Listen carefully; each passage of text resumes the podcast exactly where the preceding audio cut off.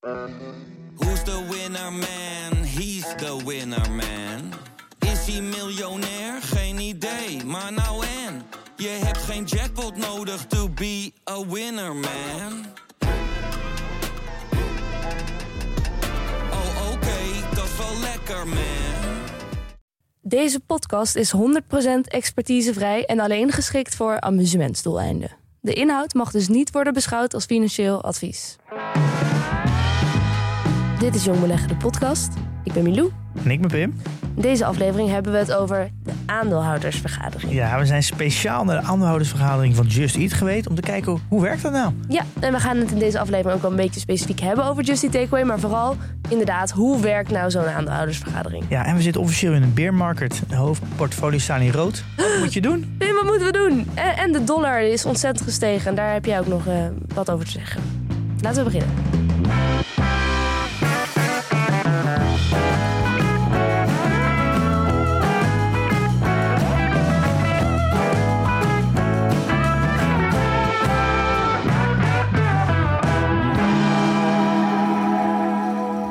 Gefeliciteerd hè Pim.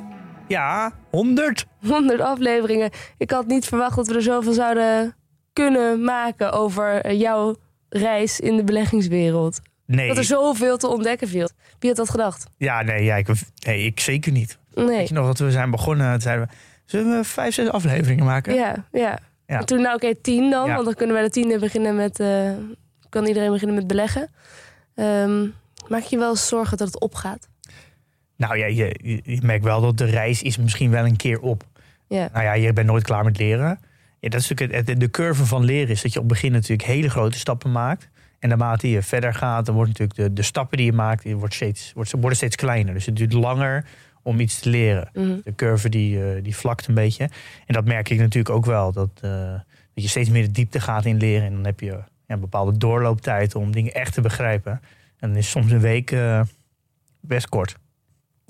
ja, dat heb ik wekelijks. Dat, eh, dat is niks om je zorgen over te maken, denk ik. Nee, dus het is wel steeds, eh, dat, eh, ste- steeds uitdagender om elke week Ja. echt iets, iets, iets te leren. Ja, maar we hebben vorige week een hoop geleerd. Want we hebben iets echt nieuws gedaan. Dus ik had het nog nooit gedaan. Jij volgens mij ook niet, hè? Nee, nee, nee, nee want de, alle vergaderingen waren, waren al digitaal. Ja. Het was natuurlijk de eerste, dit is de eerste ronde weer die, die ja, gewoon fysiek in een zaal is. Maar heb jij ook nog nooit een digitale aandeelhoudersvergadering bijgewoond?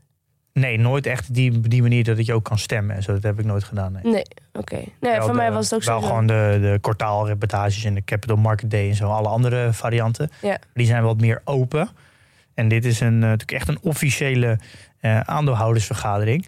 En ja, dat betekent dat je ook echt moet aanmelden en dat het helemaal officieel is. Het wordt ook vastgelegd in de statuten. Dat is altijd één keer per jaar. Ehm, en het- of je nou een beursgenoteerd bedrijf bent of een gewoon bedrijf, we niet beursgenoteerd eigenlijk. Dus een BV en een NV. Dus een besloten vennootschap. Dat zijn gewoon de meeste mensen die ondernemen, die kennen dat wel. Ja. En je hebt een naamloze vennootschap. Je bent verplicht om elk jaar, dus minimaal één keer, een vergadering van aandeelhouders te organiseren. Ja. Maar de meeste bedrijven die hebben maar één aandeelhouder of twee of drie. Dus bijvoorbeeld de bakker om de hoek. Ja, die heeft misschien eh, twee aandeelhouders. Eh, de bakker zelf en misschien eh, de zoon. Alleen als je op de beurs zit, toch? Of heeft hij dat sowieso? Nee, elk bedrijf heeft aandeelhouders.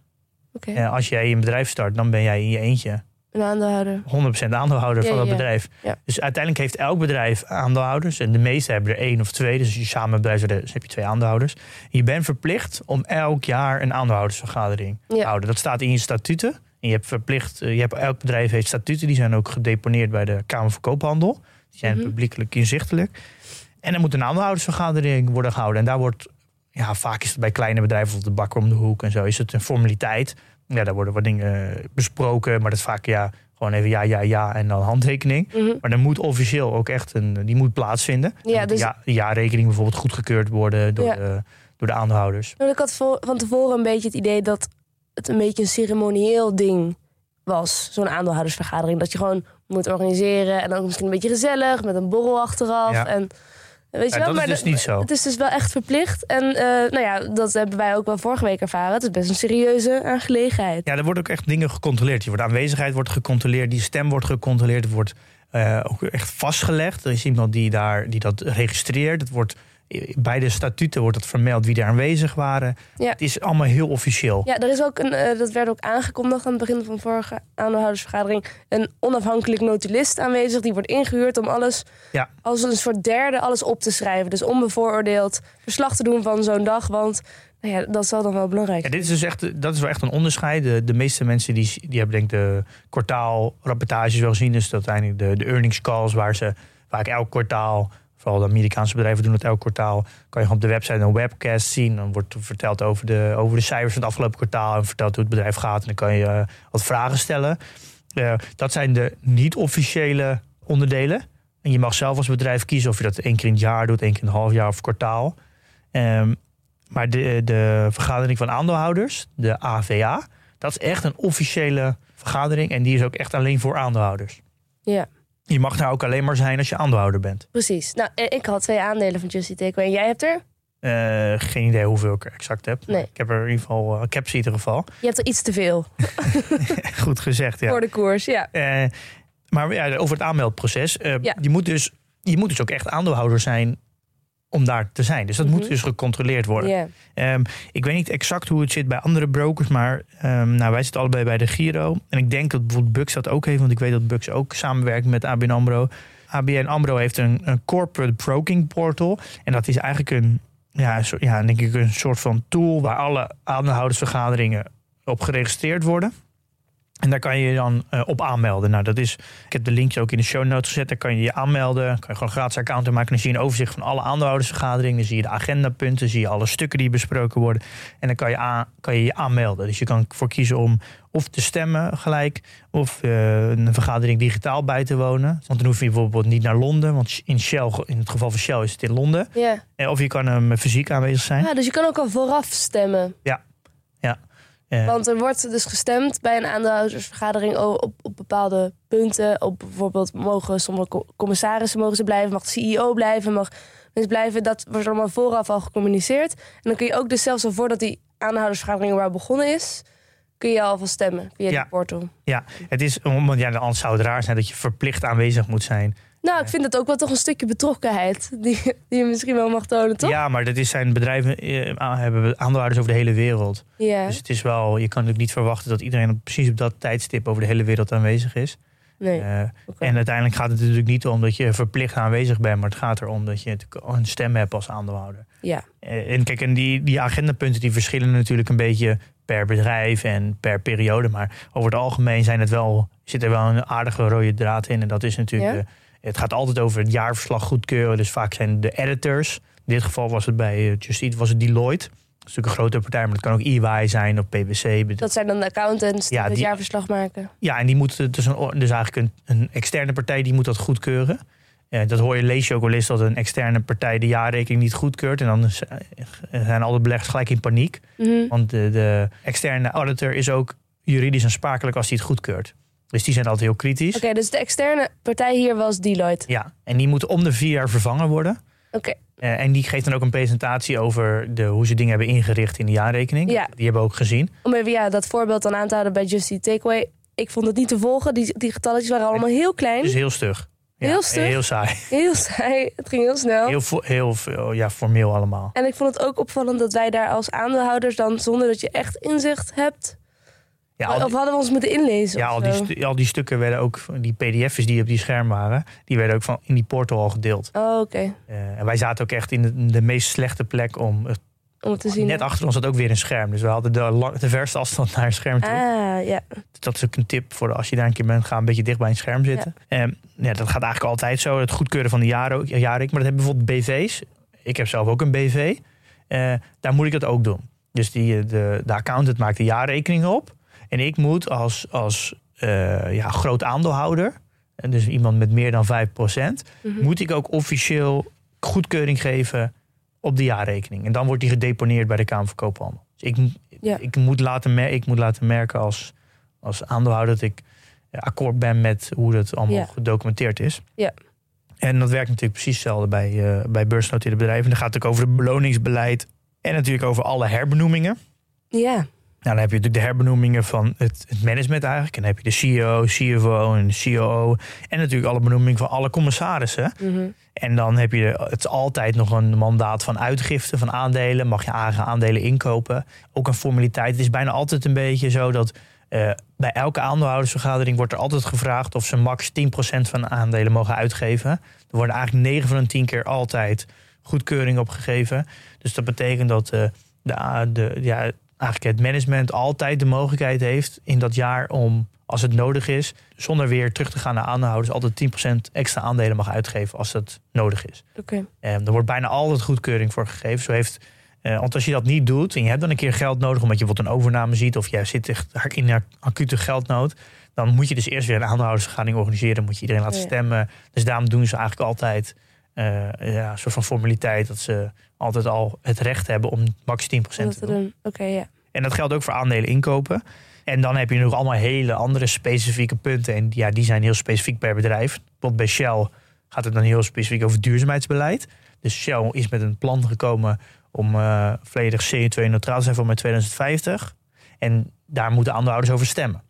Dus je kan je wel voorstellen dat bij de aandeelhouders van Shell gaat het dus veel minder over, over de strategie en over de cijfers, maar gaat het vo- voornamelijk over dat duurzaamheidsplan. En daar zal denk ik ook alle vragen, of kritische vragen komen van, eh, van de aandeelhouders. En daar Het zal gaat dus echt over de richting en de toekomst van het bedrijf. Meer Ja. dan bij Justy Takeaway. Want wij mogen niet stemmen bijvoorbeeld of, eh of Justy Takeaway, ja, dat is dan al besloten, dat ze Grubhub gaan... Nee, daar is wel Over? gestemd. Daar is wel over Ja, gestemd. daar is zeker over gestemd. Nee, Daar dan hebben, houden mensen zich toch ook bezig gewoon met de toekomst. Ja, maar in dit geval is dat bij Justy niet zo eh, aan aan de hand. Maar in dat bij Grubhub is gewoon gestemd. Ja. Daar hebben alle aandeelhouders eh, positief gestemd. Dus die hebben toen mee ingestemd om Grubhub over te, nemen, over te nemen. Ja. Eh, maar dat is, het is elke, elke aandeelhoudersvergadering is natuurlijk, heeft een beetje zijn eigen dynamiek. Het ligt een Ja. beetje aan het type welke het fases in zitten. dus wel, ja. Eh, dus ze hebben heel veel dingen die zijn bij, elke, ja, bij alle partijen hetzelfde, die we net noemden. En heel specifiek voor het bedrijf. ja. Maar dan rijst toch een beetje de vraag, eh, wie is nou dan de baas? Zijn dat dan de aandeelhouders die dus best wel wat stemrecht hebben... maar eigenlijk in veel gevallen gewoon wel meestemmen met wat het management wil? Of is het management de baas en de raad van commissarissen? Uiteindelijk, eh, heel juridisch gezien, zijn alle aandeelhouders de baas.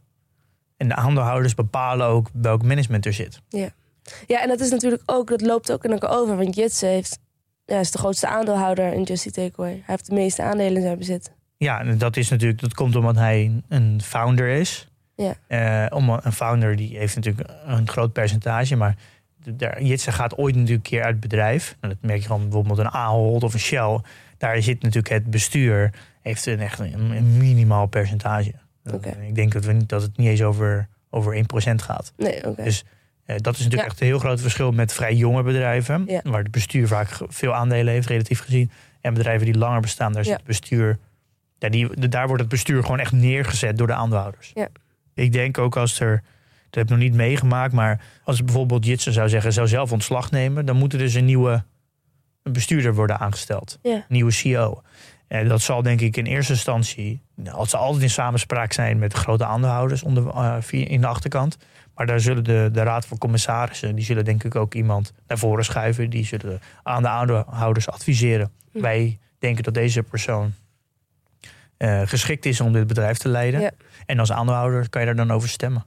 Ja. Of je daarmee eens bent. Ja. Maar wat, dus aandeelhouders, daar ligt de juridische macht eigenlijk, zou je zeggen. Ja. Maar hoe zou je zelf hun rol omschrijven? Want het komt op mij over als, eh, als, alsof ze eigenlijk een soort controlerende macht zijn. Ja, nee, je bent gewoon eigenaar. Dus je, je, ja, je bent uiteindelijk de baas. Je bent ook, eh, ja, je, Ja, maar met vele anderen natuurlijk. ja, dus je bent, je bent met een hele grote groep ben je eigenaar. Ja. Is uiteindelijk je eigenaar bepaald. Eh, dat is wel het, eigenlijk het idee. Ja. Eh, en dan heb je natuurlijk de raad van commissarissen die een beetje toezicht houdt op het management. En dus het man- dat, dat het management niet hele gekke dingen kan doen. Ja. Eh, dus de raad van commissarissen die houdt toezicht. En daar wordt ook heel veel dingen mee besproken. Dus het idee is dat je als aandeelhouder juist het management hebt voor dagelijkse dingen. En de raad van commissarissen om daar toezicht op te houden. Dat je die twee dingen in balans houdt. Waardoor dat dagelijks gewoon kan functioneren. En dat je als aandeelhouder eigenlijk heel passief kan zijn. Maar het is misschien toch ook wel belangrijk om goede aandeelhouders te hebben. Goede aandeelhouders Absoluut. die eh, streng zijn en kritische vragen stellen en de boel goed in de gaten houden, die hebben wel degelijk een functie. Ja, er wordt altijd gezegd dat je, je, je krijgt de aandeelhouders die je verdient. Ja, En eh, als jij zelf heel erg een, een ja, korte termijn sprongen maakt en je bent om, om, eh, heel wispelturig en je, je hebt niet duidelijk een lange termijn horizon, dan krijg je ook aandeelhouders die ook op die manier erin zitten. Ja. Eh, Ja. Dus dat is een beetje de, de gedachte erachter, dat je krijgt aandeelhouders die je verdient. Mhm. Eh, je kan wel zien bedrijven die bijvoorbeeld, zo'n Warren Buffett, een mooi voorbeeld, die, die heeft zo lang gezegd dat het altijd om lange termijn draait. Dus eh, ik denk dat je daar ook niet zo snel activistische aandeelhouders gaat zien of aandeelhouders die op korte termijn eh, druk zetten van je moet nu gaan optimaliseren, want de koers die gaat naar beneden. ja. Dat he, die, hij heeft ondertussen de sporen verdiend dat, dat hij de juiste aandeelhouders heeft. Ja. ja, en als die lange termijn strategie je niet aanstaat, dan ga je, ben je ook minder snel geïnteresseerd, denk ik, in Warren Buffett. Dat, dat sorteert zichzelf ook Ja, natuurlijk een beetje. ik denk ook dat als je als activistische aandeelhouder bij, bij Warren Buffett aankomt, dat je ook een beetje wordt uitgelachen. Maar dat heeft hij natuurlijk zelf verdiend. Hij heeft ondertussen die aandeelhouders ook verdiend. En als we het over Just Eat Takeaway hebben, je zei al even, we zaten op een slechte spot. We zaten wel praktisch naast nou ja, een jongen die voor mij aanvankelijk onbekend was. Hij viel me al wel op, had ik, want hij had van die hele kleine loafertjes aan die een beetje versleten waren. En had als ongeveer enige in de hele zaal een waxcoat in plaats van een blauw pak met eh, wit overhemd eronder. Ja, hij gedroeg zich heel autonoom. Ja. Dat is echt heel anders dan. Ik vond de rest eh, over het algemeen, ja, dat is een beetje lullig om te zeggen, een beetje schaapachtig. Zo Ja. van, eh, past allemaal precies in dat corporate vormpje. Ja, En hij was daar echt wel helemaal los daarvan. ja hij, au- autonoom is een goed woord inderdaad. En hij eh, stelde heel veel vragen. Dus op, op een gegeven moment begon bij ons wel te dagen van... dit zal wel iemand zijn die een groot belang heeft. Nou, hij wist extreem veel. Hij wist heel veel. Heel veel. Ja. Ik, het was, een, eh, ja, het was van heel, heel plezierig om naar hem te luisteren. Ja, ja Eh, wel bespraakt. En nou ja, gewoon en goede netjes, vragen. Netjes. En netjes, inderdaad. Ehm, Echt goed, ja, goed balans tussen Ja. Kritiek eh, en eh, goed genuanceerd. Ja. Eh, en, maar dat was ook wel te merken dat ze elkaar al heel vaak gesproken hadden. Er Ja. werd heel vaak gerefereerd naar Precies. privégesprekken. Want wie was dit nou? Wij zaten achter een, een stel en ik, ik, kon af en toe mee eh spieken in hun WhatsApp-groep. Ze hadden een Justy Takeaway eh, WhatsApp-groep met wat anderen. En ik zag Go Alex staan onder het schermpje. En ik dacht dan, hmm, dit is dus een Alex. Dus ik ging googlen, Alex Justy Takeaway. En toen bleek het Alex Captain te zijn Van Catwork. van Catrock. En dat is een groot hedge fund uit Amerika. Hè? Ja, is een grote aandeelhouder. Is even na Jitse de grootste aandeelhouder. Ja, 7 procent. Ja, dus Ehm, jonge jongen, 32 jaar volgens mij, of 33. beheert 1 miljard vermogen. Ja. Ehm, dus dat, eh, daar zaten wij dan naast. Ja, dat bleek een soort celebrity eh, in de zaal. Ik heb nog even gesproken. Jij hebt hem nog gesproken, want Ja. jij bent bij die borrel gebleven uiteindelijk. Nou, niet, ja, een beetje tussen de overgang naar de borrel toe. ja. Ben ik gewoon naar voren gelopen, ben even naar Jitse gegaan. Mhm. Even, even kort gesproken. En toen stond eh, Alex, die was eh, even aan het praten met alle commissarissen. ja. En toen dacht ik, nou, ik, ik loop er even naar. Ik stond echt Ja, bijna naast hem, dus ik sprak hem even aan. Dat jij dat durft. Ja, ik ben daar dan echt te verlegen voor. Zodra ik dan zie dat, dat het een grote meneer is, een beetje, dan denk ik van, oh, nou, laat maar. Sowieso is er bij mij wel een gelimiteerd tijdsunit aan wat ik onder een systeemplafond kan doorbrengen, hoor. Het was echt, eh, het was heel lang. Het was heel lang en het was best wel saai. Drieënhalf uur. Ja, Eh, ja, want m- laten we even, om nog ja. even, we gaan straks even dieper op in, maar ik wil, we, we moeten het wel het, het, het cirkeltje rondmaken, want Ja. we hebben het over die, dat eh, corporate banking portal gehad van ABN AMRO. Ehm, je meldt je daar aan en dan moet er natuurlijk een controle zijn of jij daadwerkelijk aandeelhouder bent. Dus hoe dat werkt is, je meldt je daar aan, dan geef je aan welke broker je zit en dan geef je je gebruikersnaam door in, de, in die port en die sturen dan sturen zij naar jouw broker, in mijn geval de Giro, een melding van hey, Pim Verlaan heeft zich aangemeld voor deze. Ehm, controleer even of die daadwerkelijk aandeelhouder is. Ja. Want de broker die weet natuurlijk of ik aandeelhouder ben. En dan krijg ik op een gegeven moment, kreeg ik op een gegeven moment een eh, akkoord van, eh, want er zijn ook kosten aan verbonden, 10 euro. Ja, heb ik dat betaald? Ik kan me dat niet herinneren, hoor. Nee, ik denk dat, eh, ik heb het ook nog niet gezien, maar misschien wordt dat één keer kwartaal van je vrije ruimte afgestoken. Ik Oh. heb het ook nog niet gezien. Maar je moet dus eens akkoord geven op die kosten. En dan kreeg ik even later kreeg ik een mailtje van ABN AMRO dat Hm. is goedgekeurd. En toen kreeg ik een, eh, een e-ticket met een, eh, met een barcode. En die moesten we meenemen. En ik kreeg ook later nog een paar dagen van tevoren een mailtje met de, de webcast link. Dat ik ook alle documenten kon inzien en eventueel de aandeelhoudersvergadering ook digitaal kon bekijken. Ja. Ehm, dus zo werkt dat. Ik weet, ik weet niet om te zeggen, maar ik denk dat bij Bucks op dezelfde manier werkt. Want die werken ook met het ABN AMRO systeem. Maar ik weet dus niet of een ING of een eh Rabobank al zijn eigen systeem heeft. Eh, al denk ik dat bijna alles via de Rabobank, via ABN AMRO loopt. Want het is denk ik te kostbaar dat elk, elke partij zijn eigen systeem maakt. Want het is niks anders dan ja, het managen van aandeelhoudersvergaderingen. Ja. Maar dat zou je gewoon, stuur gewoon een mailtje naar je broker toe. Via de supportafdeling. En stel gewoon de vraag, ik wil naar aandeelhoudersvergadering X. Hoe werkt dat? Dan kunnen ze je dat prima uitleggen. Zeker de moeite waard om een keer heen te gaan. Om gewoon te zien hoe het is. En dan zie je ook al je andere aan, mede-aandeelhouders. Ja, dat het best wel allemaal schapen zijn. Maar misschien zit er een uitzondering tussen in de waxcoat. Nou, het is op zich wel leuk om een keer te zien hoe dat werkt. Je kan ook, Ja. eh, je kan ook gewoon in gesprek gaan met de, ja, met de CEO. Dat is wel, dit is wel echt een moment dat als je de CEO wil spreken, je wil even een gevoel krijgen bij hoe hij is als mens. Dit is wel echt het moment, want of je één aandeel hebt of duizend aandelen, iedereen krijgt evenveel spreektijd en aandacht. Mhm. Ze hebben allemaal echt aandacht voor je. Ja. En dat is wel, denk ik, wat ik ook gelezen heb over aandeelhoudersvergaderingen. Het is, ja, het is wel heel democratisch. Ja, zo voelde het ook wel. Eh, en er wordt echt, ze stellen zich ook in, de Raad voor Commissaren en het management stelt zich echt in. Ik ga de aandeelhouders ontmoeten en die ga ik allemaal aandacht geven. En wat zeg jij dan als je naar Jitse toe loopt? Van, nou, goed gedaan? Of, hey, dat was leuk? Of Nou, ken je me nog? nou hij, kende, hij kende me nog van, Ja. van de podcast. Mhm. En ik, nou, ik had hem even. Hoe, hoe praat je met een CEO? Kunnen we daar ook een keer een aflevering over maken? ja, Prime is zo gewoon als mens. Net als dat we met, in de podcast ook met hem gesproken hebben. Gewoon ja, bedankt voor eh, dat hij eh, hier de tijd voor genomen had. Ja. Even gehad over, eh, over het verbouwen van het kantoor waar ik elke dag langs fiets. Wanneer dat nou eens een keer af is. Eh, En of hij nog een keer langs wil komen in de podcast ooit. En? Ja, het stond hij op zich wel wel open. Maar hij zegt ja, ik bepaal wat niet meer. Volgens mij mag hij zelf niet meer bepalen waar hij zit en wat hij zegt. Eh, dat die verantwoordelijkheid is nu verlegd naar Joris, volgens mij het hoofd, van IR. Eh, dus daar moest ik mee contact eh, opzoeken. Ik, ja, hij heeft volgens mij wel een, eh, geen regie meer over zijn eigen optredens volgens mij gekregen. Dat is mis- misschien aan de hand van wat er allemaal gebeurd is de laatste jaar misschien wel, wel verstandig. Wat een nachtmerrie, lijkt me dat. En wat me ook nog dan opviel aan zo'n aandeelhoudersvergadering... is dat je dus, we zeggen al, het is democratisch... maar je mag ook gewoon daadwerkelijk dus stemmen. Ik met mijn twee aandeeltjes in Just Eat mag dan meestemmen. En dan is er zo'n agendapunten, dat zei je al, vooraf gedeeld. Ja, je, we kregen ook allemaal een kastje. Dus Ja. je, je meldt je officieel aan, en dan wordt bar- barcode gescand. Je moet een handtekening zetten voor aanwezigheid. En dan krijg je een pas. En je krijgt een stemapparaat. Ja. En die pas doe je dus in het stemapparaat. En dan eh, weet hij dat jij dat bent. Staat er, hallo mevrouw Brand. Een soort Blackberry was het. Ja, het is een soort van Blackberry met een toetsenbordje. Ja. Eh, en zo'n balletje. Ja. Eh, en dan komen op een gegeven moment starten de stemronde. En dan krijg je een, een, een punt waar je, die wordt dan even voorgelezen. Ja. De zaal mag daar nog vragen over stellen of opmerkingen over maken. Dus, dus nou, er wordt voorgelezen beloningsbeleid. Dan gaan mensen daar vragen over stellen of opmerkingen over maken. Ook een beetje om andere aandeelhouders context te geven. Van bijvoorbeeld, wij zijn op tegen daarom. Dus eh, hou daar rekening mee van Ja. als je gaat stemmen. Ja, dat beetje, ze proberen je al in hun kamp daarmee een beetje te Beetje trekken. wel, Het is niet echt een betoog, maar wel van... nou, wij vinden dit en hou dat in gedachten Ja, als je straks... En het is, iedereen mag dat zeggen. Dus als er, als er 70 mensen zitten, dan zou het zomaar kunnen zijn dat er 70 mensen tijd krijgen om er wat over te zeggen. Ja. Dus het, daarom duren, kunnen aandeelhoudersvergaderingen heel lang duren. Ja, En dan zeggen we, kun nu stemmen. Dan krijg je beschermd dat je kan stemmen. Dan kan je kiezen eh, of approve. Dus je goed, je bent tegen of voor eigenlijk. En ik onthoud me van stemmen. Dus ik, ik heb geen mening eigenlijk. En dan krijg je volgens mij, denk ik, nou, wat is een halve minuut voor. Eh, en dan komt ook gelijk de uitslag daarna op het scherm.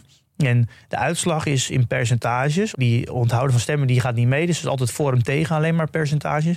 Maar het is wel aan de hand van hoeveel aandelen je vertegenwoordigt. Ja. Dus eh, als je één aandeel vertegenwoordigt, dan telt je stem ook maar in, in procentueel gezien in één aandeel. Eh, daarom is het zo belangrijk dat je ook officieel aanmeldt, dat ze weten wie je bent en hoeveel aandelen je bezit. Mhm. Ehm, in, bij Just Eat was 71% van de aandelen vertegenwoordigd in de zaal. Dat is echt... Ja, ik weet niet of dat veel is, maar dat klinkt wel als veel, toch? Dat is, eh, ja, ik, naar, mij, ja, ik, naar mijn idee is dat ook best veel. En je moet dus ook, bij Just Eat zit natuurlijk ook heel veel ja, van de aandelen zitten in het management. Dus Ja. Het management die, die gaat natuurlijk niet een agendapunt erop zetten, zo wat ze tegen gaan stemmen. Nee. Eh, je kan nu al verwachten dat het hele management en het hele raad van commissarissen allemaal overal voor stemmen. Ja, Eh, ja precies. dus, dus dat is wel ook wel weten om een beetje de context te weten van. Je weet sowieso dat zoveel procent sowieso al voor gaat zijn. Ja. En 9 van de 10 keer is het eigenlijk zo. Daarom zijn heel veel vergaderingen vaak een formaliteit. Omdat als het gewoon goed gaat, er worden altijd alle agendapunten eerst al met de grote aandeelhouders gedeeld. Van dit zijn de agendapunten, hoe sta je daarin? Want er is goed contact met de aandeelhouders. Waardoor er bijna nooit gebeurt dat er ergens op tegen wordt gestemd. Oké. Eh, Eh, wat mij wel opviel is dat er een advies ook vooraf bij stond. Ik had het even online opgezocht, al die agendapunten. En er stond de VEB, Vereniging Effectenbezitters, adviseert tegen te Ja. stemmen. Of adviseert neutraal te de zijn. VEP is de Vereniging van de Effecten in Nederland. Dus die vertegenwoordigen denk ik alle, die vertegenwoordigen alle partijen. Maar waarom bemoeien zij zich met eh, de stemming op die manier? Waarom gaan zij adviezen geven, denk je? Ze vinden dat zij in die positie zitten om op die manier ja, een soort van particuliere beleggers te informeren en hun kennis dan te delen. Te helpen. Ja, dat is, eh, en dat doen zij voor alle Nederlandse bedrijven. Dat is een beetje de. Ja, maar ik snap nog steeds niet echt wat hun belang daar dan van Nee, zij, is. zij hebben zijn een stichting, een vereniging, dus zij hebben in principe geen belang. Ja, het belang is dat ze de, de particuliere beleggers vertegenwoordigen. Het is toch bijna een soort politieke keuze. Nou, dat, ja, dat, nou, dat is het in wezen wel. Je, ja. Toch? Ja. Als je je met elk bedrijf gaat bemoeien met de richting waarin er gestemd moet worden door de aandeelhouders. Bij, dat, dat, er zit een soort van ja, een motivering achter waarvan ik denk van ja, maar je bent geen aandeelhouder. Dus waarom, waarom zou je.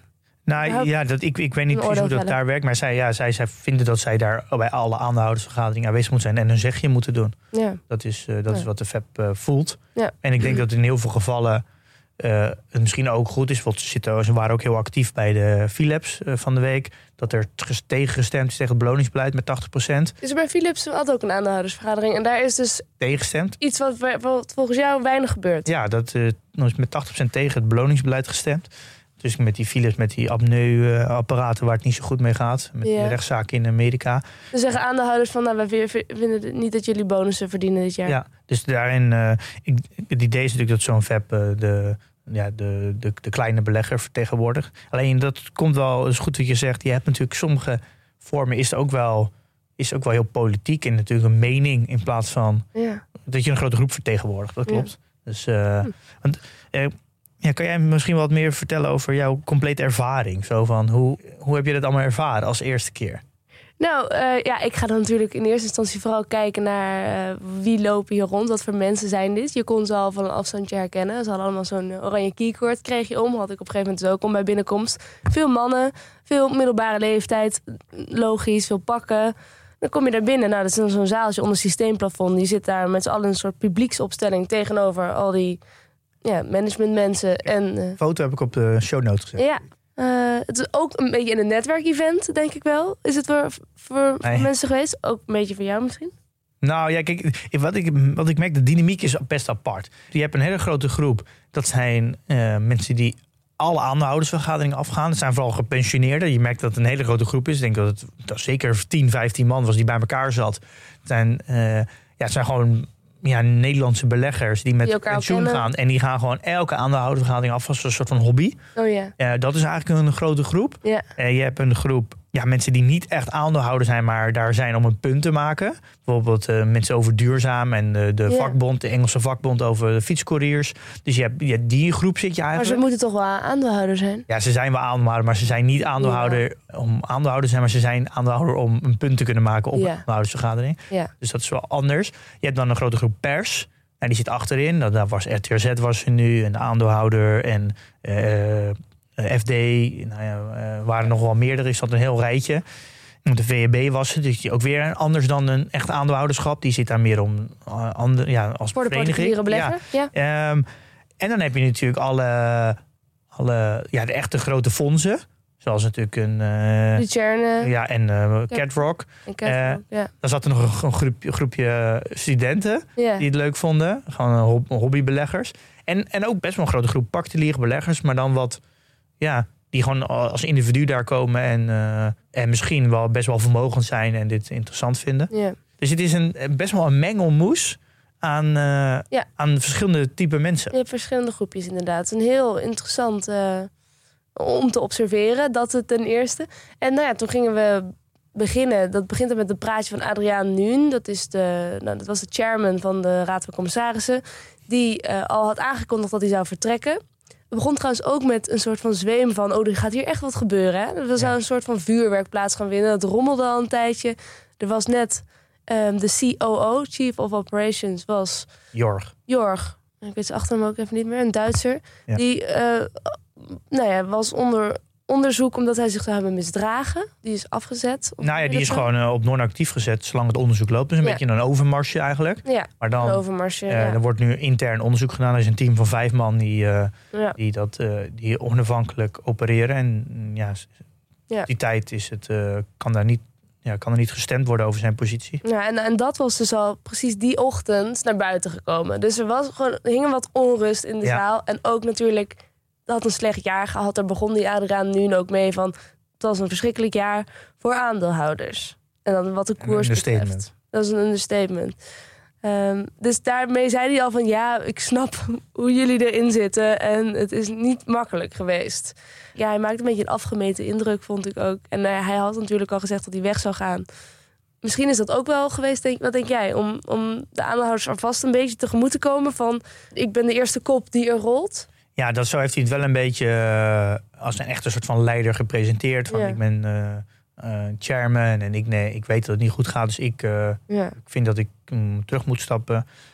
Hij is wel al volgens mij officieel over de pensioenleeftijd heen.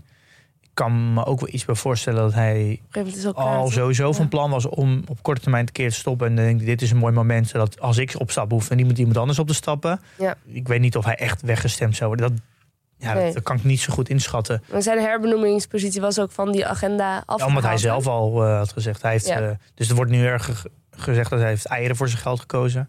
Ja, voordat hij weggestemd werd, ging hij Ja, zelf maar weg. Dat, ja, dat vind ik, kan ik niet zo goed inschatten. Ehm, hij, heeft, hij is ook best Ja. wel beleefd uit, dus ik, de keuze is ook niet zo heel gek. Nee. Eh, en misschien haalt hij daardoor ook wel een beetje de angel uit de meeting. Ja, nou, hij, en hij deed het inleidende praatje. Ook over... Ik vond het wel de- goed dat hij, nou, deed hij ja, goed. deed hij goed. Ik vond het een fijne man. Ik dacht, nou, daar, daar missen ze iemand eh, mee dan. En toen kregen we de CEO met zijn presentatie. Ja. Nou, je knippert je in, in je oog en het was voorbij, had ik het idee. Hij flitste daar echt doorheen. Ja, dat komt ook wel een beetje. Dat het ging, ging natuurlijk wat door wat cijfers heen en zo. Maar ik denk, ja, iedereen die daar zit, die, die heeft dat al een keer bekeken. Ja, En hij, heeft elk kwartaal presenteren zijn cijfers. Dus die, het is heel duidelijk dat die aandeelhoudersvergadering... die gaat niet over die, over die cijfers. Iedereen zat te wachten op die Q&A. ja, want die zou hierna dan komen. ja, dus dat, ik snap wel dat hij daar een beetje tempo doorheen ging. Ja, En, hij was wel, de toon daarin was wel heel positief. Hè? Hij zei dingen als winstgevendheid zit in het DNA van Just Eat Takeaway. Ehm, we hebben een market-leading ESG-strategy. Eh, dus hij was wel hij was positief. Ja, dat moet je natuurlijk ook zijn. Je wil natuurlijk Dat is hij altijd geweest, ja. Dat is hij altijd. Ja. Ei- Eigenlijk gaat alles gewoon goed. Wat is er nou aan de hand? Ja, Nou ja, dat is dus wel... aandeelhouders. Ja, nou, dat is natuurlijk wel een mooie. Want als je wil weten hoe een CEO echt is, dan Ja. is het natuurlijk, dit is een moment dat je, dat je, je kan hem zien, je kan hem in de ogen aankijken, je kan zijn dynamiek zien, je kan zien hoe die reageert op kritiek. Dus als je Ja. wil weten hoe het karakter is van, van de CEO, dus degene die jouw vermogen leidt, eh, dan is dit wel een moment om, eh, om, om Ja. dat te zien. En hoe is Jetse bij- op jou overgekomen? Je kent hem natuurlijk al een beetje van de podcast, Ja, Ehm, maar nu werd hij echt eh, onder vuur genomen. Behoorlijk, ja. En dat had hij, hij vatte dat zelf ook wel echt zo op, denk ik. Omdat hij, eh, hij had al snel gewoon met heel veel vragen of kritische opmerkingen. ging hij meteen een soort van in de verdediging. Eigenlijk was eigenlijk de strekking van zijn antwoorden bijna altijd. Ja, maar jij hebt ook makkelijk praten. Ga maar eens hier op deze stoel zitten. Dat gaat allemaal niet zo makkelijk als jij het voorstelt. Ja. Dat idee had ik, dat hij zich wilde verdedigen. En eh, hij is ook een, een keer echt nou ja, gebeten uit de hoek gekomen. Toen Ja, die ja. voorman Pieter Tazelaar van Lucerne Capital. Nou, die had ook een vraag. En hij had eerder in de media had Tazelaar zich uitgelaten over Justy Takeaway. En dan zei hij van, er wordt niet geluisterd naar aandeelhouders. Jits toen, die zei van, ja, hoe kun je mij nou zeggen dat ik niet luister als ik jou niet eens ken? Ja, ja, dat. Dat, hij heeft natuurlijk een. eh, hij, hij heeft best wel een groot fonds. En hij het ook wel een beetje zo'n. eh, ja, allemaal macho gedrag van iedereen daar in die zaal. Hij heeft gewoon in een. Gewoon zonder contact te hebben met Just Eat. Gewoon een, gewoon een open brief in de krant gezet. En zitten klagen over. als aandeelhouder over Just Eat en het management. Ja, dat is natuurlijk ook niet netjes. Nee, En dat is, ja, dat is wel een beetje macho gedrag. Alsof je is als, als je zoveel groot fonds hebt, dat je je dan boven eh, zo'n heel bedrijf zet. Ja, en daar, ja, dan, dan kom je bij Jitsen terecht. ja. ja die kan daar ook leuk. totaal niet goed mee omgaan. Nee, Eh, want juist doordat hij zich eh, zo een beetje van... ik ken jou niet eens, dat hij dat ging zeggen. Het is gewoon botsing, gewoon echt een botsing. Ja, maar hij liet zich ook kennen daarin. ja, je wel. ja, je kan ook een soort van... Nou ja, er, er leuk mee omgaan, dat pareren... en de spanning niet tot een soort van onder de nul te laten dalen. Ja, hij mist die gochme om dat, om dat te managen, om dat lekker te laten lopen. Het is hakken in. Frans gelijk, ja. En dat waren gewoon echt twee gorilla's die tegen elkaar kwamen. Ja. En hij was ook heel erg gepikeerd hoor. Ja, want wij zaten heel vlak bij hem. Jij zat konden- ernaast hem. Ja, En die zat ook een beetje toen hij de, de microfoon weg een beetje onderling met zijn eh comp te mopperen. ja, Eh, en dat hij Ja. het belachelijk vond. En daarna zat hij alleen maar op zijn telefoon. ja. Eh, ze- hij had ook, ik had ook wel een beetje dat hij zijn hand overspeelt. Dat hij denkt, ja, misschien. hij- ik, had wel een beetje dat hij wel vond, ja, dat is misschien ook wel een beetje terecht nu. ja. Eh, ja, ja, ze hadden het allebei niet heel handig aangepakt, denk ik. Nee, maar dat is wel, merk ik zelf heel erg. Ik, ik heb toch wel een beetje een, een ja, ik zeg zwak is een beetje overdreven, maar voor, voor founders. Dat komt omdat ik dat zelf ook altijd ben geweest, een ondernemer. En ja, het is, als ondernemer ben je toch een beetje eigenwijs. Ja, En je je bent hebt- geneigd om het voor hem op te nemen, hè? Ja, ik heb gewoon, dat heb ik heel snel voor ondernemers. En dat merk ik ook wel als het gaat over zelfreflectie als belegger. Dat is echt een zwakte van mij. Dat ik toch heel snel kies voor. Ook, of, of dat ik ook heel snel de kant van eh, founders kies. En dat, is, dat kan heel erg nadelig zijn voor mezelf als belegger. Het is gewoon heel vervelend als je, als je een bedrijf bent die nog die een bepaalde koers op gaat. En in, in moeilijke marktomstandigheden. Dan moet je gewoon een strategie hebben voor vijf à tien jaar. En dan kan je niet eh, iemand afrekenen op een jaar. Ik zou dat zelf ook heel vervelend vinden. Ja, want jij bent natuurlijk zelf ook ondernemer. Je bent ook founder. Dus jij kent ze vanuit jezelf. Zou je ook kunnen zeggen van dat jij Jitse dus snapt? Ja, ik, ja, ik moet zeggen, ik begrijp hem wel heel erg. Mhm. Eh, en ik denk ook dat, dat voor me die vraag had ik toen ook gesteld in de podcast. Ik denk gewoon dat hij eh, ja, het liefst gewoon niet eh, een beursgenoteerd bedrijf wil runnen. Laat hem gewoon die toko runnen, focus hebben en gewoon één keer in de zoveel jaar even zijn gezicht laten zien en dan tussen gewoon doorgaan. Eh, en dat, dat constant maar dat mensen om zich heen constant maar zitten te roepen wat hij allemaal moet doen. En dan alleen maar afleiden en iedereen. Want die- eigenlijk alle vragen gingen alleen maar over de koers naar beneden. Je, ziet bij, je hoort bijna geen fundamentele vraag over het resultaat. Alle vragen worden gestuurd naar ja, de koers is te laag. Leg eens uit. Ja. Allemaal winst op de korte termijn. Allemaal korte termijn vragen. Iedereen Ja. is alleen maar bezig met ja, het gaat nu slecht. Allemaal korte termijn. Ja. En jij ook op, als je op Twitter kijkt en ook in ook de FD en zo. Allemaal zijn ze allemaal een soort van. Het is bijna een soort van hetsen op jitsen geworden. Maar, maar de- daar is toch. Wat doet Jitse dan verkeerd, denk je? Want al- als hij die lange termijnvisie heeft, dan zou het in principe hem goed moeten komen, toch? Nou, het een probleem is dat hij dat gewoon niet goed uitlegt. Dus Ja. dat is een, denk ik een eigenschap van heel veel ondernemers. Dat, dat is echt wel het verschil tussen een ondernemer en een manager. Het verschil zit natuurlijk in de kwaliteit van communiceren. Ja. Vooral. Daarom zie je ook vaak dat een founder op een gegeven moment weggaat en een manager het overneemt. En die dan de aandeelhouders veel beter kan, kan begeleiden en kan sturen. Managen. Ja, en, en letterlijk het managen, ja, dat is ook een vaardigheid. Nou ja, ik, heb ja, ik denk dat het ook gewoon te maken heeft met eh, het sentiment. Eh, op dit moment is gewoon verschrikkelijk slecht. En eh Just Eat zit in de hoek waar alle klappen vallen. En niet alleen Just Eat hoor, maar als we even naar de industrie kijken. Delivery Hero min 74% dit jaar, year to date. Just Eat 64% year to date. Mhm. Dus de daling is wel iets eerder ingezet. Ehm, zet onder, het is echt over een lange periode altijd, maar dat is natuurlijk veel lager. Delivery Hero min 57, DoorDash min 57, Uber min 48 procent. Ja. Dus de hele industrie heeft het zwaar. En dan pakken we ook nog eens even breder dan niet alleen deze industrie, deze deli- food delivery, maar als we gewoon kijken naar tech. Nou, ik kan echt een lijst met zeker 50 aandelen opnoemen die gewoon min 80 zijn gegaan. Dus het, het probleem is niet alleen Just Eat. Nee. Ehm, dus het, het is gewoon een, een sentiment ding breed. Dat het gewoon heel slecht gaat met bedrijven die geen winst maken nu. Dus waar winsten verder in de toekomst ligt. En waar de marges ook nog eens vrij onzeker zijn. Dat is heel erg tegen. En hij zei dat ook heel mooi. Hij zegt, ja, het was eerst groei, groei, groei, groei. En nu moet het eh EBITDA, EBITDA, EBITDA. Dus winst, winst, winst. Ja. Ik kan niet het binnen drie weken sturen. Maar de, de beurs is wel binnen drie weken zo hard naar beneden gegaan. Ja. Dus het hele sentiment in, bij de aandeelhouders is ook volledig gekeerd. Ja. Daar heeft volgens mij de, de CEO van eh, CM ook een opmerking over gemaakt. Van, ja, kan niet de toko in één keer naar winstgevendheid sturen. We hebben een, een strategie voor de komende drie tot vijf jaar. En Ja. als het sentiment in één keer wijzigt, ja, kan niet die strategie in één keer in drie weken doen. Wat ik eerst in drie tot vijf jaar zou doen. Je, kijk, Lange termijn. Geld is emotie. En, en misschien wel de meest sterke emotie die naar boven komt als je geld verliest. En dat, dat merk je gewoon in die zaal. Iedereen heeft daar geld verloren. En, Ja. En daar reageren ze op. Op die emotie worden vragen gesteld. Eh, ja, en dat is heel moeilijk. En dat is denk ik ook een nadeel van zulke bedrijven als je daarin belegt. Is dat ja, die, die gaan gewoon heel hard heen en weer. En helemaal als het sentiment wijzigt, rente gaat omhoog. Ja. Alles moet in één keer winst maken en zo snel mogelijk. Eh, daarbij wil ze nog wel zeggen dat hij natuurlijk ook best wel fouten heeft gemaakt. Eh, maar ja, dat is ook een beetje inherent aan, het, aan de business, denk ik. Als je een, eh, een, ja, een business runt dat, dat nog helemaal nieuw is. Dus dat, ja, hij vaart in een omgeving waar geen voorbeeld is dat al winstgevend is. Dus alles is nieuw. Het is, uh, ja. ja, en die doet het nu volgens mij al twintig jaar. Ja, ondernemen is gewoon af en toe fouten maken en dan weer verder gaan. Ja, maar ik denk dus dat het probleem hier is dat ik Jitse nog nooit heb horen zeggen dat hij hier een, fout misschien ook Nee, dat is natuurlijk het stukje zelfreflectie, een stukje communicatie. Ja, dat klopt. Uh, hij ziet het zelf niet als een fout. En de, ja, fout is natuurlijk ook een interpretatie. Uh, ik vond het eigenlijk wel heel mooi wat uh, Alex Captain zei.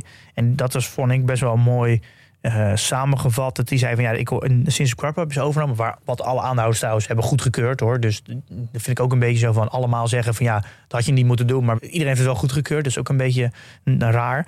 Uh, dat hij zei, ja, daarna is heel vaak gezegd, Just Eat is de grootste food delivery company buiten China. En hij zegt, ja, dat is zo vaak herhaald. En hij zegt, ja, daar is het volgens mij fout gegaan. Mhm. Ehm, je moet niet de grootste zijn, dat moet helemaal geen doel zijn. Dat moet, je moet de beste zijn en je moet het meest winstgevend zijn. Dat is het doel. En we moeten, je moet weer terug aan uh, operational focus. Hij zegt, je bent de eerste en, en zo groot geworden. Omdat je zo'n extreme focus hebt. Je hebt zo'n duidelijk doel. En het lijkt wel alsof je de laatste jaren uh, die focus bent verloren. Ga weer terug naar die focus. En uh, ik denk dat dat... Ja, ik vond dat eigenlijk wel een hele mooie samenvatting van... ja, van, van naar Jitse toe. Ja. En ik moet ook zeggen, Uber die komt ook met een EBITDA uh, verwacht Outlook nu. De aandeelhouders zijn ook op tafel gaan staan. Deliveroo Hero hetzelfde. De, uh, Deliveroo ook. De hele industrie is nu aan het kantelen. Alles gaat naar winstgevendheid doen. Dus uh, ik denk dat je binnen nu en drie jaar... Ja, gaat de hele, het idee van groeien gaat eruit. Alles moet nu naar winst en stabiliteit. Dus iedereen gaat terugtrekken uit de niet winstgevende gebieden. En daardoor gaat automatische concurrentie wordt minder, waardoor iedereen winstgevender wordt. Waarom moet dat eigenlijk? Wie heeft bepaald dat we moeten kantelen? Ja, dat is de ja, aandeelhouders gezamenlijk bij al die bedrijven die hebben nu bepaald. Het is ook een soort sentiment van we willen ja. geen groei, groei meer. Ja. Nu... Maar zolang, kijk, zolang als er vijf partijen zijn en al die vijf partijen zitten allemaal op groei aansturen, dan gaat nooit iemand winst maken. Want als, als de ene gaat optimaliseren voor winst, dat betekent dat de ander dan zegt: hé, hey, wacht, daar ga ik van profiteren. Ik, ga, ik wil nog geen winst maken, dus ik ga marktaandeel ja. uh, veroveren. Dus er moet een soort van algemene consensus ontstaan dat iedereen voor winst gaat. En dat begint nu te komen. En zolang dat niet gebeurde, kan je eigenlijk gewoon niet naar winst gaan. Dus er, die soort van, die, ja, er is nu een soort van. Ja, iedereen is rationeel geworden. En door corona is dat eigenlijk uitgesteld. En ik denk dat als corona niet was geweest, dan was dit veel eerder gebeurd dat heeft hij ook gezegd, door corona moesten we wel hard groeien. We moesten focussen op groei. Dus we hebben daardoor de, de winstplannen eigenlijk verlegd naar de toekomst. Ja. Uh, en dat is dus eigenlijk nu uh, aan het kantelen. Okay. Dus ik denk wel dat je binnen nu en ja, drie en vijf jaar... dat je in de hele industrie breed wel gaat zien... dat, er, dat partijen gaan terugtrekken uit landen... waar ze gewoon nooit een winstgevende positie kunnen krijgen. Ja. En als de ene dat doet, dan kan de andere dat ook doen. En dat is natuurlijk een soort van sneeuwbaleffect. Maar dan moet iemand er moet iemand beginnen. Ja. Ik denk wel dat dat uiteindelijk gaat gebeuren. Ja, dat, ja het, is, blijft een, het blijft een bijzondere, een bijzondere dynamiek. En ja, je kan je ook echt wel afvragen, ja, als belegger zijn, of dit nou echt het, uh, het aandeel is waar je zulke type aandelen, of je daar echt je vermogen in wil hebben. Ik, ik denk als je er eenmaal in zit, dat je dan heel moeilijk is om eruit te stappen, om met je verlies te nemen. Maar dit zijn wel ja, vanuit een beleggingsperspectief zijn dit gewoon aandelen die gewoon heel risicovol zijn. En die bewegen gewoon heel erg. En er is het, het risicoprofiel is gewoon heel hoog. Want als Just Eat het niet lukt om winstgevend te worden, ja, dan kan dit aandeel echt uh, nog makkelijk 80%, vanaf nu nog 80% naar beneden. Dat, Ja. uh, als het geen winst maakt, dan is het bijna niks meer waard. Ja, dat is wel een beetje wat je denk ik ja, rekening mee moet houden. En ik heb ook het idee dat heel veel aandeelhouders die daar zaten, ja, risicomanagement echt niet op orde hebben. Hm. En daardoor ook sowieso om zich heen slaan. Ja, nou, ik heb wel hoop dat het met eh, Alex Captain wel een beetje in de goede richting eh, kan worden gestuurd. Een fijne aandeelhouder om erbij te hebben, lijkt mij. Ja, ik, eh, hij droeg echt wel de Q&A, vond ik. Ja. De andere, die andere vragen waren Ja, Waar, Van beduidend lager niveau, Ja. laten we het daarop houden. ja. Ik heb trouwens een verslagje geschreven van iemand die voor het eerst een aandeelhoudersvergadering bezoekt. Staat in de show notes ook erbij, hè, Pim, denk ik? Ja. Ehm, en dan lijkt me het onderwerp bij deze ehm, afgesloten. Gaan we door naar het volgende agendapunt. Ja, eh, ik wil het nog even hebben over, eh, over de situatie waar we nu in zitten. Ja, Pim, doe het alsjeblieft, want mijn inbox stroomt ook vol met... Wat zegt Pim dat we moeten doen? Ja, het, is heel, het gaat heel hard naar beneden. En eh, als je, ik, las, ik las wat op Twitter dat de S&P in de eerste 88 dagen van het jaar... eh, de één na grootste daling ooit heeft meegemaakt. Dus er is één keer eerder, zijn de eerste 88 dagen van het jaar... een, een ergere daling geweest dan nu. Jezus, Dus het geeft een beetje de context aan, de situatie waar we nu in zitten. laten we gaan een berenmarkt. Ja, ik heb sowieso het, over het algemeen meer het idee dat, dat dingen steeds extremer worden. Dat zag je bij corona, het gaat dieper, het gaat sneller herstel. Nu ook weer, het, het, het beweegt veel meer, heb ik het idee. Mm. Ehm, en ja, even, dat is best moeilijk nu. Ik denk dat, je, dat er heel veel mensen nu in het rood zitten en best wel ja, elke dag weer kijken denk je, en waarvan schrikken. En dit is best wel een moeilijke tijd. En ja, ik denk dat je toch wel als jonge belegger toch wel goed moet realiseren ja, wat je nu meemaakt. En hoe ga je hiermee om? Stop alsjeblieft niet. Maar als je dit echt te moeilijk vindt en dit niet aan kan, ga dan je risicoprofiel aanpassen. Ga desnoods volledig in een ETF of ga meer defensieve aandelen. Of, ik zeg niet dat je nu gelijk moet handelen, maar ga over loop van tijd, over een paar jaar wel langzaam dan je, je risicoprofiel aanpassen. Vooral als je merkt dat je er onrustig van Ja. wordt, hè? En ga nu niet in paniek raken door nu volledig naar defensief te rennen. Dan loop je constant achter de, de, de feiten aan. En dan constant van strategie wisselen als daadwerkelijk de schade al is. Ik denk dat dat nog erger is dan nu niks doen. Mhm. M- eh, maar leer hier wel van en kijk wel hoe je hier nu mee omgaat. En probeer dan in het vervolg, dus over de komende jaren, eh, langzaam je, ja, je portefeuille langzaam te verplaatsen naar iets waar je je wel comfortabel bij voelt. Ja. Ehm, om even een samenvatting te geven wat wij als jonge beleggers sinds 2019 hebben meegemaakt. Ik denk dat wij ook wel een beetje in, met onze neus in de boter vallen. Dat wij in zo'n korte periode zoveel extreme hebben meegemaakt. Dat dat ons eigenlijk dat het zo'n sterke bodem legt als je hier doorheen komt en nog steeds belegt. Dat je Ah. zoveel hebt meegemaakt dat je de komende 30 jaar een makkie wordt. Ik, ik las al in jouw voorbereiding dat je zegt neus in de boter. En ik dacht, oh, dit is weer Pim die ergens iets positiefs van probeert te maken. Ik snap wel wat je bedoelt. Als je echt die lange termijn in je hoofd hebt. Denk je van, als je dit allemaal nu weet en leert en meemaakt. Dan, dan kun je gewoon kun je tegen een stootje. Ja, dit je, ja, je moet denk ik een stuk vaak uitzoomen. Ik, je kan wel zeggen dat het geld wat je nu hebt ingelegd is relatief eh, weinig over 30 jaar. Dus je gaat in de komende 30 jaar nog heel veel meer bijleggen dan wat je nu hebt. Dus de- wat je relatief nu verloren hebt, is, is relatief weinig aan wat je over 30 jaar zou kunnen hebben. Het, het heeft nog niet echt tijd gehad om te compounden. Dus alles wat je nu leert, is eigenlijk alleen maar heel gunstig. Dus eh, hoe meer je nu meemaakt, hoe meer je leert, hoe meer eh, eh, economische omstandigheden je hebt gezien.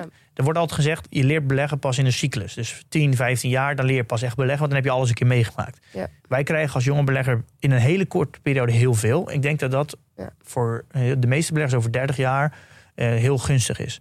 Eh, want je kan beter die curve nu zo snel mogelijk hebben... dan dat je dat over 15 jaar verspreidt. Want even een samenvatting wat we hebben meegemaakt. We hebben een gigantische bullrun meegemaakt in 2019. Alles ging omhoog. We hebben een scherpe uitverkoop gehad in eh, begin 2020 eh, met een wereldwijde pandemie. Nooit, nooit meegemaakt. Ja. Eh, daarna krijgen we een soort van bull market met dom geld.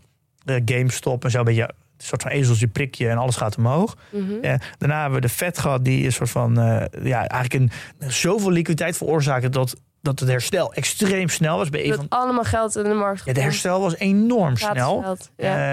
Dat hebben we ook nog niet eerder gezien. Geld was gratis. Mhm. Eh, dan is er een omgeving terechtgekomen waar de, eh, Tina, there is no alternative. Nou, dat is ook bijna niet voorgekomen. Er is een alternatief in welke manier? Nou ja, er is geen andere assetklasse dan aandelen wat, wat nog een alternatief was. Mhm. Eh, we hebben een soort van eh, ja, een speculatieve explosie van technologie gehad. Ja, we hebben een ja, nou, hyperinflation, dat is misschien een beetje overdreven, maar we hebben een extreem hoge inflatie. Nu wel, ja. Ja, eh, ook niet echt eerder meegemaakt. Zo hoog. Eh, ik denk dat is wel eerder geweest, maar eh, voor heel veel beleggers is dit de eerste keer. We hebben een recordvraag naar arbeid nu. Een van de laagste werkloosheid ooit. Nou, wereldwijde supply chain issues. En dat er eh, containers op verkeerde plekken staan. Dat transport heel duur wordt. En dat een eh, schip vast komt te liggen. ja. We hebben een oorlog op ons continent. Nou, hoe lang geleden is dat? En we hebben nu eh, ook nog eens een berenmarkt. Ja, Eh, allemaal in een periode van, ja, wat is het, drie jaar, ja. tweeënhalf jaar. Gezegende tijden. Echt bizar. Ja. Ik denk dat dat als, eh, ik denk dat als je hier doorheen komt als jonge belegger, als beginnende belegger, dat je zo'n sterke basis hebt, dat je al zoveel geleerd hebt, eh, dat je in zoveel omstandigheden al je portefeuille hebt zien reageren, ja, dat je zo'n sterke basis hebt om de, om de komende 30 jaar te beleggen. En dat je ja, heel goed moet bij nagaan bij jezelf, wat voel ik nu? Voel ik me hier comfortabel? Doet het me echt wat? Doet het me niet wat? Eh, en dan, ja, dan langzaam je strategie blijven schaven. tot je, waar je echt comfortabel bij voelt. ja, dus om even terug te komen op wat eh, iedereen aan mij vraagt. Wat zegt Pim dat we moeten doen? Moeten we pauze houden? Moeten we... The best investment plan for you is the one you'll stick with even when prices are crashing. Dames Ja. en heren, geen pauze nemen, gewoon doorgaan met wat je doet in principe. Mag ik hier wel een klein persoonlijk probleempje delen? Ja hoor. Nou, ik heb iets minder inkomsten dan eh, eerder. Het is voor mij iets onzekerder geworden omdat ik ZZP'er ben. Dus ik kan niet meer 200 per maand inleggen. Nee, maar ik, het is, ik, kijk, Nee, nee, nee, maar, maar wat, dat vind ik dus rottig. Want ik denk, dit is juist de tijd om echt lekker door te gaan. Omdat juist nu de beurs zo laag staat. Ja, nee, ja, kijk, als je het niet hebt, dan heb je het niet. Nee, dan, nee, Eh, dan heb je het niet. Eh, je moet niet lenen. Eh, Nee. Kijk, het, allereerst is het belangrijk dat je genoeg buffer houdt. Kijk, al die basisregels die blijven ook gewoon in deze tijden gelden. Kijk, als je, je moet niet je buffer op gaan beleggen. Want je wilt, je wilt in alle tijden voorkomen dat je het uit de markt moet halen. Ja. Dat is echt wel regel nummer één. Het geld mag de markt niet uit. Want dat is natuurlijk helemaal zonde als je het nu gaat verkopen. Dus je moet wel je buffers gewoon in orde houden. Dus als je nu iets onzekere tijd hebt en je verdient wat minder... of, is, of je inkomen is onzekerder... ja, dan is het niet verstandig om je buffers te gaan, eh eh, ervoor in te gaan gooien. nee, precies. Ehm, dat, je moet wel altijd wel verstandig blijven Ja, beleggen. Dit, dit antwoord dat En met beleid. Dus eigenlijk wel. Beleggen met beleid. Ehm, En investeren in kennis is ook belangrijk. ja, en ja, als je toch... eh, kijk, het is ook prima om gewoon niks te doen. Hè. Ik denk dat dat 9 van de 10 keer het beste is. Kijk, ik, ik doe ook niet heel veel. Nee. Eh, maar ik probeer wel ondertussen veel te leren. En ik vorige, vorige week was het, of twee weken geleden... Twee weken geleden heb ik al geleerd dat je, dat je de hele bewegelijke aandelen... ook niet een groot gedeelte van je portefeuille moet doen. Ik, ik ben ook wel aan het leren. En ik merk ook wel dat... Dat ervaar ik nu. En ik wist dat al, maar er is een heel groot verschil tussen iets weten en iets ervaren. Dat op lange termijn is, ga je eigenlijk je rendementen maken door gewoon je verliezen te beperken. Want ik heb nu dit jaar, kijk ik tegen een stevig verlies aan. En dat verlies moet ik ook, ja, het duurt gewoon heel lange tijd dat ik dat verlies weer goed maak. Ja. Eh, dus het is volgens mij beter om, denk ik, elk jaar ietsie minder te performen dan de markt. Maar als het een keer echt slecht gaat, daar je outperformance te halen. Dus ja, ik leer me wel steeds meer dat eh, die hele defensieve strategie en je risico naar beneden beperken en zo. Er zit wel wat in.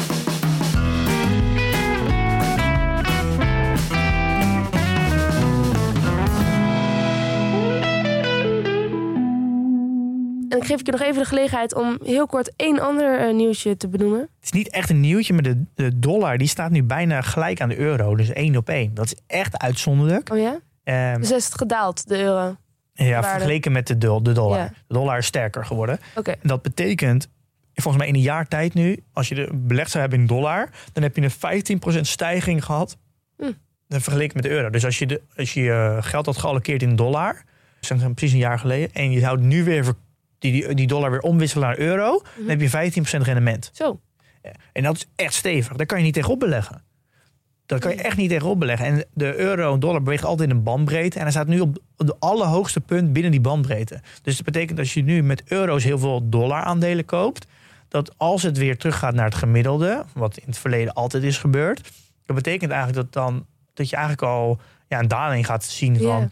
In een en- lange periode misschien wel, wel, wel weer ja, 15 procent. Ja. 10, 15 procent. Daar, dat is best wel pittig om daar tegenop te beleggen.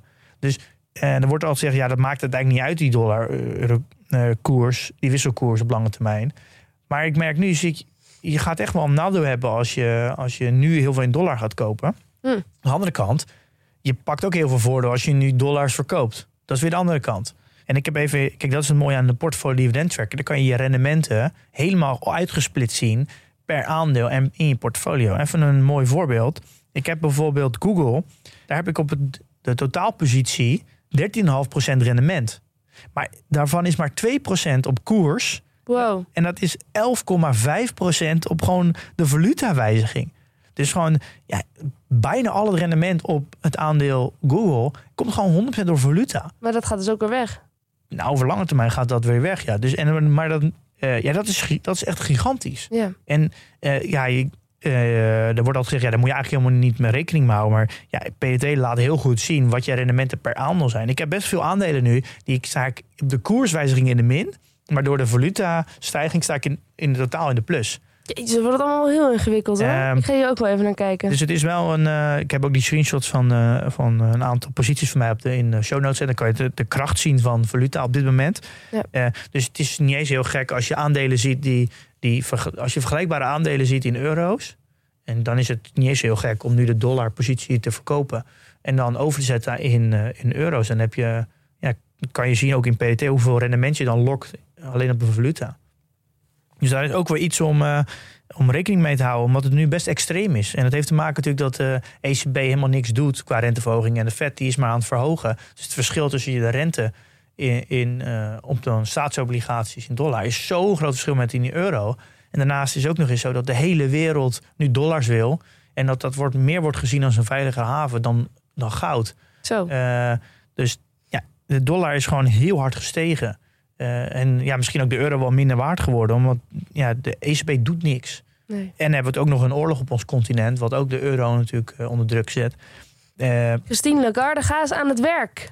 nou ja, je ziet daardoor dus wel een, een, een unieke situatie weer. Ja. Waar je dus als belegger misschien een klein beetje van kan profiteren. En of rekening mee kan houden. Dus dat is ook het voordeel van PDT. Dat, dat we die valuta opsplitsen. Staat genoteerd. Pim, de tijd is op. Ja. Helaas is dus ook de tijd op om eh, al jouw transacties te bespreken. Want anders zouden we je portfolio nog even uitgebreid behandelen. Maar ja, eh, geen tijd voor dus. Volgende week gaan we dat doen, denk ik. Ja, als we geen gast hebben, gaan we dat doen. Ik heb, eh, ik heb wel Just Eat een beetje bijgekocht. Ga ik volgende week uitleggen. En ik heb wel een beetje rekening gehouden met, eh, met mijn euro-dollar koers. Had het even eerder gezegd. Ehm, Dan moeten we een week wachten. Oké, vooruit. Ik wacht wel een week. Ik zal geduld opbrengen. Ehm, en wat, wat gaan we verder nog doen? ja, dat weet ik niet exact, want de gast die zou komen, die heeft afgezegd. Eh, dus ik ben nu bezig met een nieuwe gast. En als dat niet, niet lukt, dan gaan we gewoon een aflevering weer samen maken. Oké, nou, jongens, in de tussentijd.